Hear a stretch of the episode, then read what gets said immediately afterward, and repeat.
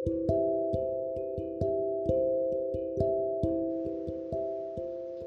pertanyaan ke tiga itu sebenarnya fanatisme itu salah apa enggak sih?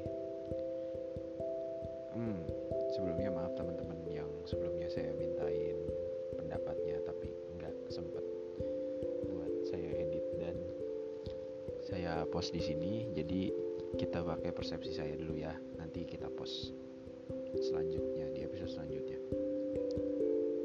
Oke, jadi kalau menurut saya fanatisme itu bisa benar bisa salah.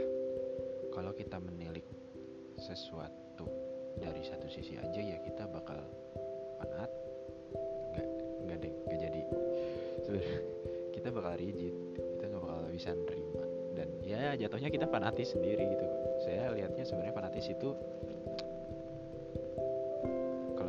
persentase 80% salah lah.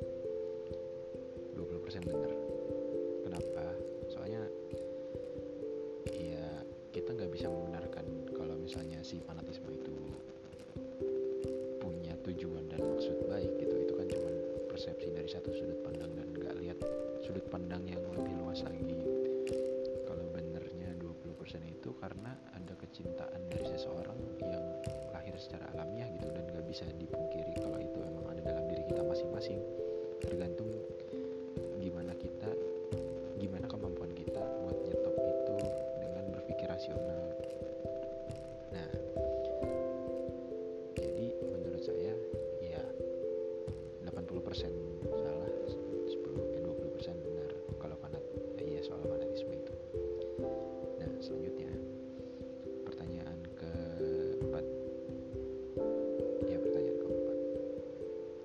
dari benar atau salahnya si fanatisme? Sebenarnya fanatisme ini berbahaya apa enggak? Aduh baca jelas berbahaya ya.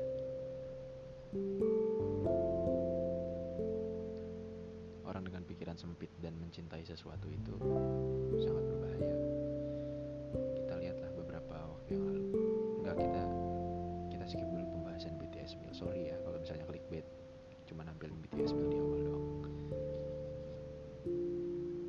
waktu lalu kalian mungkin cukup apa ya cukup aware sama ada satu mbak-mbak yang menyerang kantor polisi terus meninggalkan wasiat yang bentuknya apa dia ngegambar satu rumah ya sejenis rumah yang ada pondasi atap sama apalah itu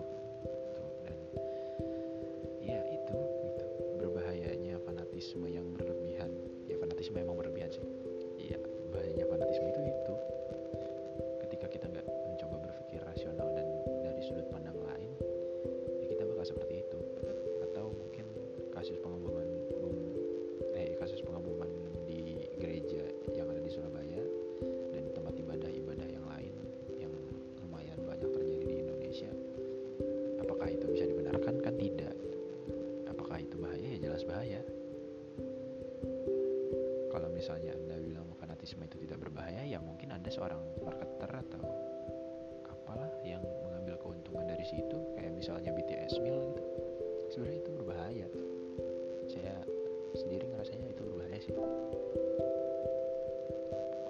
Gimana? Enggak bayangin aja. Anda mungkin anda nggak datang ke situ gitu. Tapi misalnya anda nggak drive thru nih terus anda anda sekalian ini pesan lewat